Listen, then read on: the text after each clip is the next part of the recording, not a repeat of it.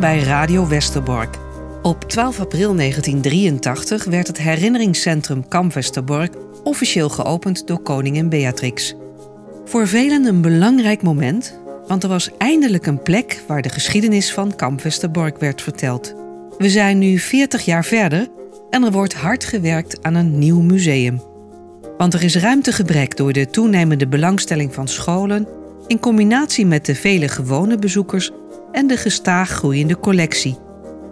En ook de eisen aan tentoonstellingen zijn veranderd. We moeten met onze tijd mee. In deze podcast spreekt directeur Bertien Minko over alle vragen en dilemma's die we in dit vernieuwingsproces tegenkomen.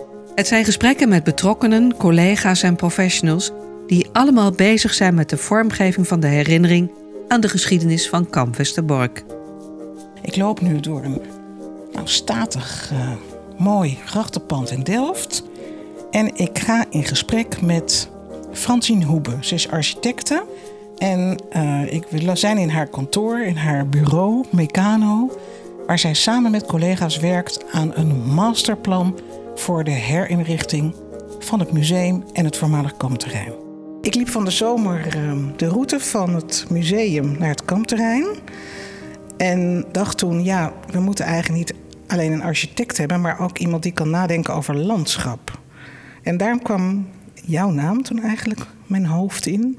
En toen hebben we de stoute schoenen aangetrokken om jou gewoon maar eens een mail te sturen. En dachten, nou, horen we vast nooit meer wat van, maar we kregen ongeveer per omgaande een reactie. Ja, uh, dat klopt. Want het, zijn. Uh, nou, voor mij fascineerde ook de vraag die jij stelde. En uh, misschien komt het ook. Uh, heb, ik, heb ik ook aan je gezegd. Ik, ik heb ook in Groningen gewoond lang. Hele middelbare schooltijd. Dus dat gebied waar Westerbork ligt. dat was eigenlijk een soort ja, vakantiekampengebied daar. maar ook, ik, ik, ik kende Westerbork niet goed ja, misschien dat ik een keer. Nee, ik kende het niet. Ik denk dat ik helemaal niet was geweest. En, en ik kom eigenlijk vanuit mijn moeders kant echt uit zo'n verzetsfamilie. Heb ik jou ook verteld dat, dat, mij ook, dat ik me daar steeds meer aan, mee aan in het verdiepen ben. Eigenlijk in die geschiedenis, want die is natuurlijk ook heel erg weggestopt door je ouders. Mijn ouders leven niet meer. En uh, volgens mij ben ik met, heb ik meteen de auto, nou niet meteen, maar ik heb denk ik heel snel de auto gepakt. Mijn man is meegegaan en ben, ben daar gaan kijken. Heb er de hele dag voor uitgetrokken om het ja, om het met al mijn zintuigen uh, tot me te laten komen. Wat, wat ervaar je daar nu? En ook heel erg, wat ervaar je er nu niet? En uh, ik denk dat het is nu een jaar geleden. Wanneer heb je het ons gevraagd? Of is het... Nee, dat is een half jaar geleden. Half jaar het was in juli. Oh ja, en, en ook nog eens, het is voor mij bijna daarna een andere manier van leven geworden. Bijna. Dus ik ben ook ik, ik had nog in de zomer twee dagen vrij en heb, uh, ben naar Auschwitz gegaan. Of heb ik je ook verteld dat ik nu eigenlijk, eigenlijk ook overal ga kijken waar ik dan toevallig ben. Of het nou in Washington is, om daar bij het Holocaust Museum. Maar ook hoe mensen het, de geschiedenis vertellen van wat hier allemaal gebeurd is. En wat de betekenis is van de doorgangskampen en, en, Westerbork. Dus ik ben eigenlijk overal waar ik kom, of, ik nou, of het ergens in Duitsland is of. Uh, of in Nederland, Kamp Amersfoort, Vught. Uh, ook naar Saxenhausen, waar dan weer bijvoorbeeld de broers van mijn moeder hebben gezeten. Dus ik, ik, ben me er eigenlijk steeds meer aan in het verdiepen. Uh, want het is ook een hele. Nou ja, zwaar wou ik niet zeggen, maar het is natuurlijk toch een hele verantwoordelijke tocht die wij samen, journey noem ik het ook wel tegen jou, van die we aan het uitvinden zijn van wat kan je hier vertellen, wat moet je vertellen. En en het is natuurlijk ook Kamp Westerbork, maar eigenlijk zitten er meer geschiedenissen rond Kamp Westerbork. Die ook hun plek moeten vinden. Dus uh, ja, dat, ik ben wel heel erg doordrenkt van het uh, uh, geraakt in het afgelopen half jaar, denk ik. Ja. Toen je bij ons was, hè, wat zag je toen? Wat ik zag is natuurlijk heel erg, nou, ik noem het maar even het entreegebouw, hè, waar de tentoonstellingen zijn. Ehm, ja, ook de kantoren zitten. Het voelt, ja, dus het klinkt natuurlijk heel onaardig, toch heel toch ouderwets. Uh, museum ook heel druk, het museum of het tentoonstellingsgedeelte druk. En tegelijkertijd het lopen naar het kamp toe, hè, wat we hebben gedaan. Met ook het, uh, eigenlijk twee tussengebouwen. De ene die, die lood, nou niet zijn niet loodsen, maar ja, hoe noem je het? Een soort agrarische. Ja, gebouwen. schuur en het is het, eh, oh, ik ben even de naam eh, kwijt, maar het eh, voormalige heidelager. Ja, En, eh, die- plek. En daarna natuurlijk de plek waar het, de, wat nu helemaal in glas is gezet, van waar de kampcommandant zat. En dan kom je eigenlijk op de plek zelf, wat heel erg, nou ja, bijna gewoon overgroeid landschap is geworden. En dan aan het eind heb je dat, vind ik, hele mooie kunstwerk. Daar, ik denk Westerbork, dat is echt het icoon van Westerbork geworden. Ehm, maar tegelijkertijd om dit te lopen of je verhaal te vertellen is heel lastig, denk ik. Dus wij vonden het ook heel lastig. ehm, ja, ik krijg natuurlijk meteen in de customer experience van hoe, hoe kan je het verhaal laten vertellen aan de bezoekers en ook heel erg ook, ook aan de jonge generatie. Hè? Want het gaat natuurlijk toch heel erg ook over de generatie die het niet meer mee heeft gemaakt. Ehm, hoe gaan we dat aanpakken? En natuurlijk toch wel weer ook die grote zenders die er dan staan. En ook, nou, en wat ik mij ook heel erg fascineerde, was toch die geschiedenis. Dat het kamp oorspronkelijk was gemaakt voor vluchtende Duitse Joden naar Nederland toe. En dat het dan omgedraaid wordt. Hoe bizar is dit? Dat dan de Joden uit Nederland vanuit hier getransporteerd worden. En dan weer de geschiedenis daarna van de NSB'ers die er neergezet worden. En dan de Molukkers die er ik 25 jaar hebben gezeten. Meer dan 20 jaar, ja. En, eh, dan, eh, en dan die zendmasten daar. Dus aan de ene kant het enorme pragmatisme. Wat er gebeurt met nou, van het eh, vastgoed van het Rijk, neem ik aan. Dus dat, dat vond ik fascinerend. En toch ook weer dat het ook heel linkt aan de tijd nu. We, we zitten natuurlijk. is trouwens, als je veel tentoonstellingen, die ik nu natuurlijk heel. Ik ga heel veel tentoonstellingen bekijken. Dat is voor mij bijna chockerend hoe de hele tijdgeest waarin eh, dit drama is gebeurd. toch heel veel overeenkomsten heeft met onze tijdgeest nu. En dan denk je aan? Nou ja, de hele, dat had ik ook heel erg toen ik de tentoonstelling in, in het eh, Holocaust Museum in Washington zag. Hè, waar ze ook de hele voorgeschiedenis doen, maar ook de hele nageschiedenis. Eh ga dan focussen natuurlijk op de Holocaust. En, en op zich heeft in Westerbork is niet, heeft niet, eh, bedoel, is het tra- transport eh, geweest. Dus niet waar, eh, het, is, het is niet Auschwitz. Maar het hele politieke en maatschappelijke spel met eh, vluchtelingen, met oorlogen, met dat, is, dat voelt natuurlijk toch heel erg ook eh, heel, heel erg, vind ik, eh, links met nu. Ik, ik vond het eigenlijk chockerend. Dus het houdt me eigenlijk heel erg bezig, wou ik zeggen. Dus je hebt me wel. het heeft me echt. Nou, voor mij ook een hele eye-opener. Ik, trouwens, ik denk dat veel mensen dat zien. Die ergens heen gaan. En waar de geschiedenis goed wordt verteld. Hoe je een enorm de link met nu kan maken van de afgelopen jaren. Maar het is wel eh, eigenlijk zo dat je. We hebben dus een heel groot verhaal te vertellen op eigenlijk ja, een lege vlakte. Ja. Waar moeten we beginnen? Ja, nee, dus dat is het. Dat vond ik misschien eigenlijk ook het lastigste. Dus ook het, hè, bijvoorbeeld. Ook omdat ik kijk natuurlijk ook deels bouwkundig of architectonisch naar. Bijvoorbeeld als je naar Auschwitz gaat en waar je het hele kamp nog wel ervaart. En met name het deel wat van baksteen was, is. Eh, maar ja, dat hout, dat is natuurlijk ook nog eens heel pragmatisch. Zijn gewoon die, die, die, die ehm, barakken zijn gewoon verplaatst. En dat zijn kippenschuren geworden over heel Nederland en varkensschuren. Ehm, ja, en, daar is van bijna niks meer van over. Dus er, en er is ook geen fundering. Het lag natuurlijk op het zand.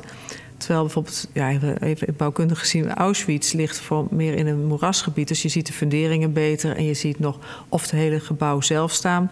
Of je ziet de hele drager van de schoorstenen, die dan eigenlijk een hele bijzondere horizontale eh, verwarmingselement eraan hadden. Wat ook weer van baksteen was. Dus je ziet daar fysiek veel meer ook dat ritme en het indrukwekkende van het herhalen van die ehm, barakken. En het viel me ook heel erg op dat je eh, het feit dat er ook nog, en ook niet compleet, daar ook de eh, hekken omheen staan. De afrastering eh, en ook nog deels de, greppels die erbij hoorden. En al dat soort dingen zijn, in, ehm, zijn er gewoon niet in, ehm, in Westerbork. En als wij ook de verhalen horen van mensen die al heel lang met Westerbork betrokken zijn, is dat ook heel bewust eigenlijk weggehaald. Het moest weer open worden. Dus, maar het heeft ook iets op een plek waar zoveel gebeurd is. En dat je daar nu zomaar doorheen, toevallig doorheen fietst, terwijl je aan het kamperen bent of in een vakantiehuisje in de buurt zit. Ja, dat vind ik ook weer. eh, het is natuurlijk een gebied van staatsbosbeheer. groot gebied. Ehm, ja, ik, ik, denk dat je op een prima manier uh, weer ook het, het, kan duiden waar het kamp was, wat het is. Daar hebben we natuurlijk ook ideeën over. Maar ik denk dat het, het, het nou, het afrasten of het aangeven waar het was, de plek. Ik denk dat dat een hele essentiële is. Maar ik zou ook bijna willen voelen toch waar ze hebben die barakken gestaan. Zonder al die barakken, want hoeveel zijn er in totaal? 110? Ja, ja, dat gaan we natuurlijk niet terugbouwen. Dat moet je ook niet willen. Maar om het beter te voelen en het verhaal te vertellen... Uh, is denk ik toch ook het idee om... hebben we toch wel het idee dat je ook iets terug moet bouwen... En, ik vind het zelf ook interessant. Dus je hebt natuurlijk het, het, het, ehm, het doorgangskamp is natuurlijk het, het, het, transport is natuurlijk het grootste verhaal, maar er zijn eigenlijk meer verhalen. En wat ik denk, hè, wat, wij, wat wij ook zo, zoals wij nu de ideeën hebben, is dat je die eigenlijk niet moet vermengen. Ik denk dat, maakt het super complex. En ik denk dat in de tentoonstelling dat ook heel, hè, zoals je die nu ervaart, want daar proberen jullie nu wel degelijk al die verhalen ook te vertellen, maar het heeft toch iets raars, vind ik dus wat wij nu als idee hebben om te kijken waar je strategisch iets barakachtigs.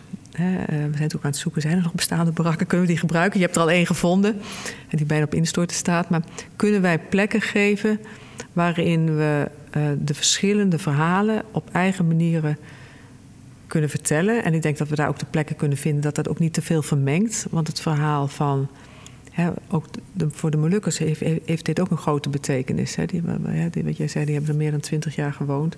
En dat is een andere iets, hè, wat diezelfde Bogakken deden... dan het verhaal van het, um, van het hele transport, van de, uh, van de, Jood, ja, van de Jodenvervolging. En het is ook heel anders dan het vroeger was. Want vroeger was het een lege vlakte. Ja. In die zin is, is de film... Ik denk dat dat trouwens een van de nou, grote dingen die jullie hebben, is die, die filmbeelden die gemaakt zijn. En dan zie je ook de, de niksigheid, de kaligheid. Wat trouwens voor heel veel van Nederland gold uit die tijd. Hè? Mensen zeggen wel eens, ja, dat is een heel ander verhaal... dat, mensen, dat Nederland niet groener is geworden. Nou, dat is het echt wel, als je die beelden ziet. Maar dus hoe gaan we daarmee om? Hoe het landschap, hoe dat vroeger was... maar goed, het was heel kaal en heel niksig... en deels ook heidelandschap. Uh, het is nu zijn er veel meer bomenstaander. Uh, ja, dus de idee die we hebben heeft dus wel over waar we bepaalde barakken zouden willen zetten, waar we de verhalen kunnen vertellen, dus ook op de locatie. En niet uh, zeg maar langs de weg uh, tussen de vakantieparken van Hooghalen of van dit gebied. Um, en terwijl je daar best misschien een soort introductie kan maken van van, hè, want je wil ook ergens toch ook, je moet ook ergens een plek hebben waar je kan koffie drinken en. en, en uh, nou, dat kan niet op het kampterrein. Nee, dat vind ik niet op het kampterrein. Dus ik vind eigenlijk dat we een hele mooie sequentie kunnen maken. Wat we helemaal aan het begin doen, waar, waar de bestaande plek die, eh, die, we nu hebben, die jullie nu hebben. Wat we daar doen. Wat we in een soort stepping stone doen als een soort nou, introductieruimte. En we hebben zelfs het idee om misschien ook die oude schuren te gebruiken. Want je hebt ook veel klassen die komen. Die komen misschien wel uit hier uit Rotterdam of uit Amsterdam of uit eh, Emmen of wat dan ook. Dus een bus, die moeten die kinderen ergens neerdoen. En die kinderen moeten ook een transitie meemaken van... We, zijn op reis enzovoort. En, en, eh, nou ja, we noemen het altijd wel eens jas. Maar je, al dat soort dingen gebeuren. En dat je ze dan ook een soort sequentie kan geven van om het een soort rust naar de serieusheid, iets uitleggen. En dan het lopen. Daar hebben we ook ideeën over om het lopen via een ander pad te laten doen, naar een soort naar het kamp toe. Met misschien ook nog een entreegebouwtje daar, met een introductieruimte. En dan in het kamp te komen. En eigenlijk is het idee ook weer, wat ik toch. We hebben het eigenlijk nog niet over de spoorlijn gehad. En die spoorlijn die er lag, die is gewoon weggehaald. Dus ik vind ook dat de spoorlijn terug moet. Je hebt natuurlijk wel eh, het monument aan het eind, wat ook die, die spoorlijn symboliseert. Nogmaals, dat hele, nou, vind ik indrukwekkende monument. Maar je, je hebt gewoon een stuk spoorlijn nodig. Dus het is ook, um, dus we willen, dus ik hoop ook met NS te gaan praten en bij te gaan praten. Uh, dat we toch een stuk spoorlijn terug kunnen leggen. Waarin we ook routes kunnen maken. Dat je misschien de ene kant aankomt via het oude bospad, noem ik het maar even dan die hele introductie hebt. En dat je dan wegloopt via, met het spoorlijn. Ook eigenlijk symboliseren van hoe je aankwam en hoe je wegging. Het is ook de route. Want ik vind het ook niet mooi dat mensen dezelfde route heen en terug lopen voor, voor, dit verhaal. Dat is een thema wat ik wel vaker in mijn werk heb, maar het is hier heel erg logisch. Dus het weggaan met die spoorlijn. Dus ja, zo zijn we eigenlijk. In die zin zijn we heel erg. We zijn, zijn we meteen gaan tekenen? Ik denk het niet. We zijn echt heel erg gaan kijken, lopen. Uh, trouwens ook het landschap gaan bestuderen en de hele, ook de geschiedenis daarvan, van dit gebied. Uh, kijken wat, wat kan een mens aan om af te lopen. Uh, compacter maken is heel erg ons advies. Maar daarmee kunnen we ook dat, dat kamp terugbrengen. En, uh, en ook, wat eigenlijk toch ook wel een mooi moment was, vond ik toen, toen jij mij de brief liet zien van Ronald Waterman. Volgt eigenlijk heel erg de ideeën die wij eigenlijk meer op een intuïtieve manier. Nou, intuïtief wil ik het noemen, want we hebben toch best. Ik ben, ik ben er, nou jij helemaal natuurlijk, maar ik ben er eigenlijk best veel over gaan lezen, gaan kijken. Um, en dat het eigenlijk heel erg klopte met ons verhaal. Dus het gaf mij wel een soort rust. Want ik weet ook, als je hier aan gaat werken, daar zullen heel veel mensen meningen over hebben. Heel veel, ja. Want het is een emotioneel beladen plek voor ja. heel veel mensen, groepen mensen. Ja, dat is het. En uh, nou, zelfs voor mij, terwijl ik niet onderdeel ben van die geschiedenis. Dus je voelt ook die druk op je schouders om dit heel zorgvuldig te doen. En ook, uh, ik vind bijna ook, uh, dan vind ik ook zo leuk dat je zo'n podcast maakt, die journey die wij maken door eigenlijk met heel veel mensen te praten. Jij praat met heel veel mensen, uh, ik ook. En om, om, om daaruit. Het is ook wel leuk, want daardoor kan je ook heel veel meningen horen. Want kijk, wat wij straks ook gaan maken met elkaar. Ja, je had het misschien ook anders kunnen doen. Maar ik denk ook de zorgvuldigheid, hoe wij alles ophalen. En met de mensen die nog leven. Hoe mooi is het dat jij met uh, Ronald Waterman dadelijk gaat praten. Uh,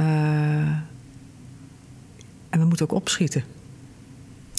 Ja, we moeten opschieten om een aantal redenen. Omdat dat natuurlijk die mensen die het hebben meegemaakt er bijna niet meer zijn. En het heel belangrijk is om toch te horen wat hun, ja, hun legacy zou je kunnen zeggen. Eigenlijk wat hun boodschap voor de toekomst is.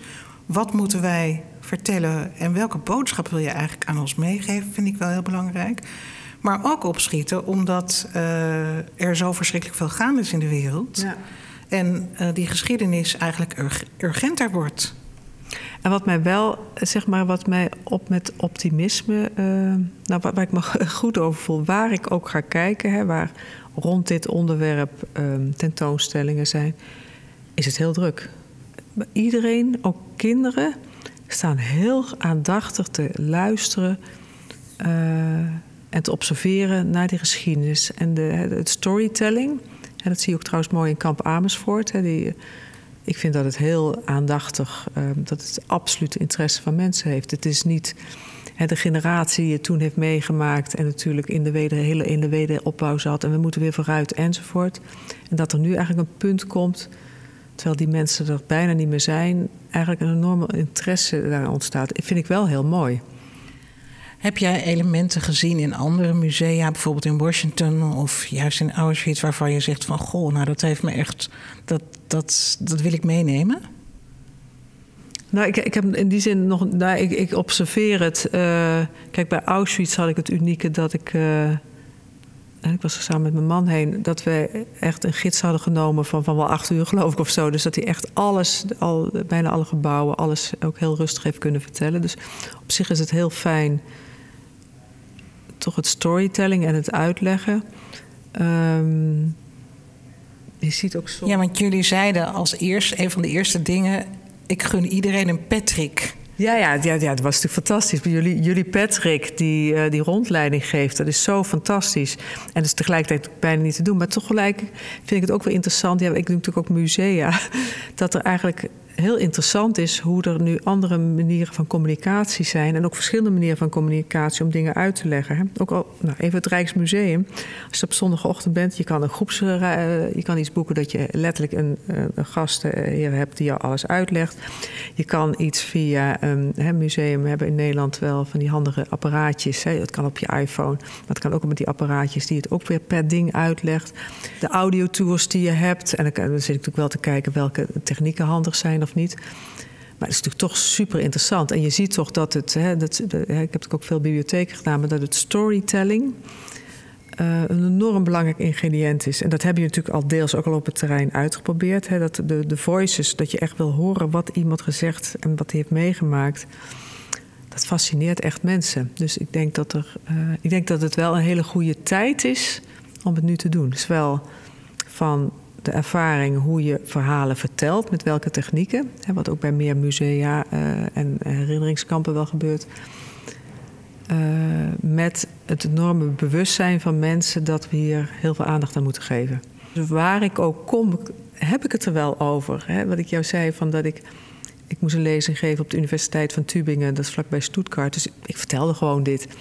En er was weer iemand die, die er ook mee bezig was op een andere manier. Maar kijk, anders gaat het heel erg over, bijna ook over getallen, over hoeveel mensen zijn, Joodse mensen zijn afgevoerd en hoe dat dan wel kunnen gebeuren. Maar het is ook, hè, dat zeiden ze ook, het is ook heel veel cultuur die is weggegaan. Of al die normen en waarden. En hè, wat jij ook al tegen mij zei, van je wil ook laten zien hoe die mensen leefden. Of dat het anders wordt je altijd geassocieerd met het drama wat er is gebeurd. Maar het was ook een waanzinnig rijke cultuur. En uh, in de wetenschap, in in, in de cultuur, in, nou, in de mensen, de religie, de religie, het familieleven enzovoort. Dus het is, ik vind ook heel erg belangrijk, en dat was ik ook blij trouwens toen ik net weer de brief van Ronald las, dat hij dat ook benadrukt. Dus dat je ook heel erg vertelt.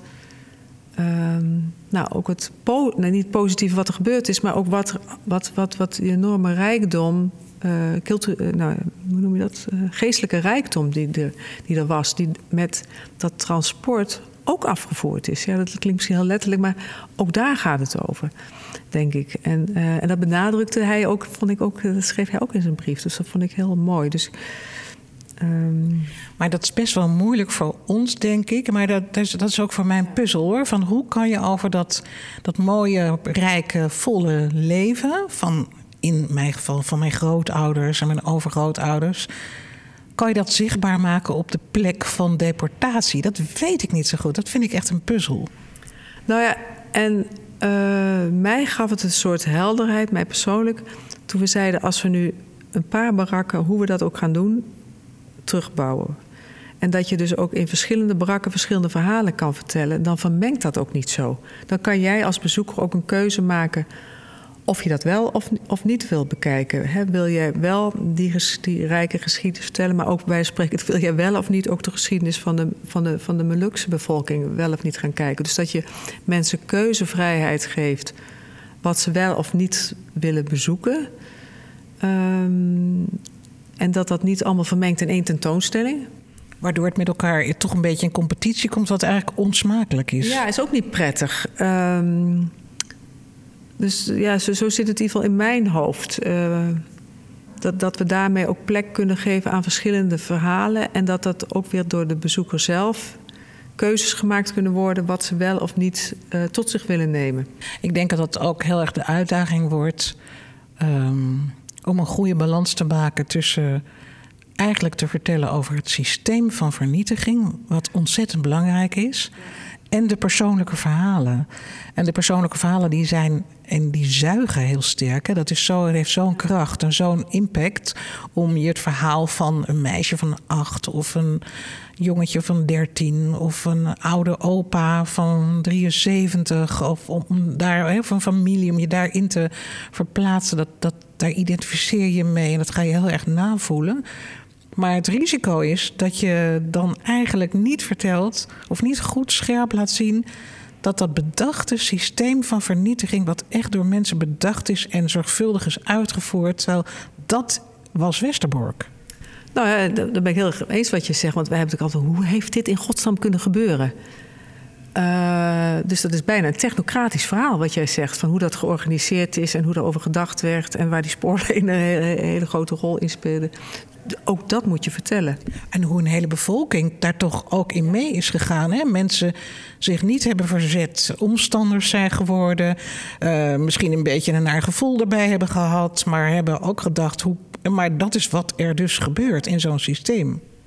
En dat vond ik wel weer even uh, toen ik die hele tentoonstelling, een hele grote tentoonstelling in Washington, toen ik daar, hè, want daar stellen ze ook de vraag op een gegeven moment: waarom heeft Amerika dit niet kunnen voorkomen?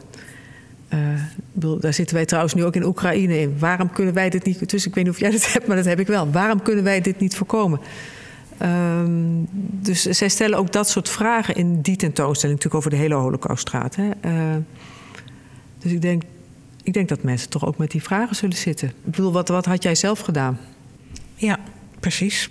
Want dat is uiteindelijk toch. Je, uh, je wil natuurlijk dat mensen daar ook over gaan nadenken. En wat betekent dat dan voor het nu? Zonder dat dat heel erg opgelegd moet gaan worden. Want ik denk dat je dat, als je de verhalen goed vertelt, dan gebeurt dat.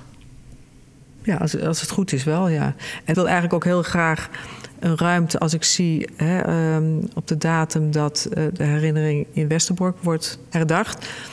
Uh, ja, ik denk, dan staan ze daar met uh, plastic toiletten enzovoort of zo. Dus dat we ook daar in de buurt ook iets maken wat, wat ook een, nou, een plek is, bij wijze van spreken, dat als het regent of wat dan ook, dat dat ook meer dienstverlenend is aan die ceremonie. En uh, misschien kunnen we daar ook iets mee combineren met, met, met, met een wel of niet een wisselexpositie of zo. Maar ik denk dat je ook een ruimte nodig hebt om die ceremonie. Uh, nou ja, zorgvuldig, anders moet je hier allemaal plastic tenten steeds zetten. Dat, dat, dat, wil je toch ook niet? Of wel? Nee, liever niet. Nee, dus ik denk dus dat we ook dat soort dingen combineren in ceremonies, momenten, uh, wat je wil doen. En het gaat natuurlijk toch ook heel erg over hoe je dat op een respectvolle manier doet. Um, want ik merk wel, en ik denk dat dat nog niet. Ik, dat merk ik niet in Westerbork als ik er ben, maar je bent op andere dingen waar ik ben geweest, dat je wel denkt: ik moet stil zijn, ik moet heel geconcentreerd zijn. Dat wil je toch, je wil heel geconcentreerd dat verhaal. Uh, en het gaat ook over respect, denk ik, over wat er allemaal gebeurd is. Uh, die sfeer wil je ook uh, maken. Dus ook de discussie die wij onderling hadden: ja, wat, wat moeten wij dan nu maken als gebouw? Het moet niet. Het moet moet ook niet vrolijk zijn. Het gaat toch over ingetogenheid en over. Nou ja, misschien ook heel erg hoe we het met de natuur en het lokale verbinden. Ik wil het ook heel erg over licht hebben. Over seizoenen die je ervaart. Dus het moet ook iets. Nou ja, ik noem het wel eens heel zintuigelijk zijn. Um, maar ook weer niet uitbundig of zo. Het moet heel. Je, je wil ook mensen die dat. Sober is het woord? Ja, sober. Maar sober kan ook heel negatief uitgelegd worden, vind ik. Dus sober. Uh, Um, sereen. Ja, sereen is denk ik een beter woord. En daar waar, uh, nou, wat ligt, dat, dat vond ik trouwens... even omdat ik nu toevallig recent in kamp Amersfoort ben geweest... wat ik daar heel erg mooi vind is... ik, was er op een winterse dag en de zon scheen... en de, bomen die daar nog staan... hoe die hun schaduwen wierpen op die muur die er is gezet vond ik van de schoonheid. Waarvan ik denk, god, is ook heel mooi of je nou juist in de ochtend of in de middag of hoe daarmee gespeeld wordt. Um, dat dat. Uh, dat vond ik, vind ik dan heel erg mooi. Het moet ook. Uh, nou, visueel ook die sereniteit hebben, denk ik. Dat dat. Uh, als dat Ja, excuus, ik, ik moest even doorgeven. Het filmteam komt dadelijk lopend binnen. Ja, het filmteam komt laten. Nou, dat is heel goed. Want uh, dan. Uh, ja, dat is helemaal goed. Wij uh, we gaan het ook afronden, want we krijgen zo. ik weet ook niet of dit Ronald Waterman op bezoek. Ja. daar kijk ik heel erg naar uit. Jij ja. ook? Ja, ik ook. En ik, het, ook het grappige is. Je ook. Ik, ik, dat ik hem. Ik, ik, heb, waar, ik ken hem eigenlijk meer van Planwaterpan en, hè, en van de TU Delft. En dat hij bezig is met de kust en met een andere manier. En dat ik eigenlijk in nou, ik zou uit moeten zoeken welk jaar. We hebben plannen gemaakt van Nederland nu als ontwerp voor 2050. Ik die eilanden voor de kust allemaal heb ontworpen en verbeeld. Dus ik, ik, vind, ik vind het ook leuk. Dus ik heb heel iets anders om dat aan hem te laten zien. Maar ook, nogmaals, nogmaals vanochtend zijn brief lezende... kwam dat eigenlijk zo binnen als herkenning... waar wij afgelopen half jaar samen mee bezig zijn... om in onze ontdekkingstocht wat we willen gaan doen dat dat heel erg met elkaar in overeenstemming komt. Zonder dat we hem hebben, ik, ik hem heb gesproken. En even voor de luisteraars, Ronald Waterman is een overlevende van kamp Westerbork en van Theresienstad. Hij was een jongetje in de oorlog. En um, nou ja, hij had ideeën over de herinrichting van het kampterrein. En uh, ja, die heeft hij opgeschreven. En het was net alsof hij uh, ja, of ons al gehoord had, maar daarmee ons ook eigenlijk zegt: uh, jullie zijn op de goede weg, ga maar mee door. Ja, en het is voor mij heel belangrijk en ook voor jou. Toch dat, je, dat we op een richting zitten waarvan je denkt: God, de mensen die dit echt hebben meegemaakt, dat ze hier achter staan. Want het is echt zoals wij aan het denken zijn. We zijn nog midden in een proces uh, en dat zal uh, voortgaan. Het is nu eind januari 2023. Eh, ik denk dat we elkaar over een tijdje weer gaan spreken en kijken waar we dan uh, uitkomen. En op een gegeven moment hebben we een masterplan te presenteren. Ja, en dan uh, hoop ik tussen al die ingrediënten. Maar het is op zijn plek aan het komen. Dus ik krijg dan ook altijd een soort rust. Ik heb altijd een soort onrust als dat nog niet zo is. En ehm, hoewel we het nog echt, echt letterlijk moeten vormgeven. En dan gaan we op stap. Maar dan kunnen we ook, denk ik, met al het, nou ja, alle gesprekken die we hebben gevoerd, het hele vooronderzoek. Uh, dan kunnen we ook met overtuiging naar de boer op, zeg ik dan maar. Maar we moeten geld gaan ophalen. Ja, gaan we doen. Dankjewel. Met een hoofd vol verhalen en gedachten ga ik verder. Verder op mijn tocht, waarin ik mensen tegen ga komen met wie ik zal praten over de toekomst van het herinneringscentrum Kamp Westerbork, over de toekomst van onze geschiedenis.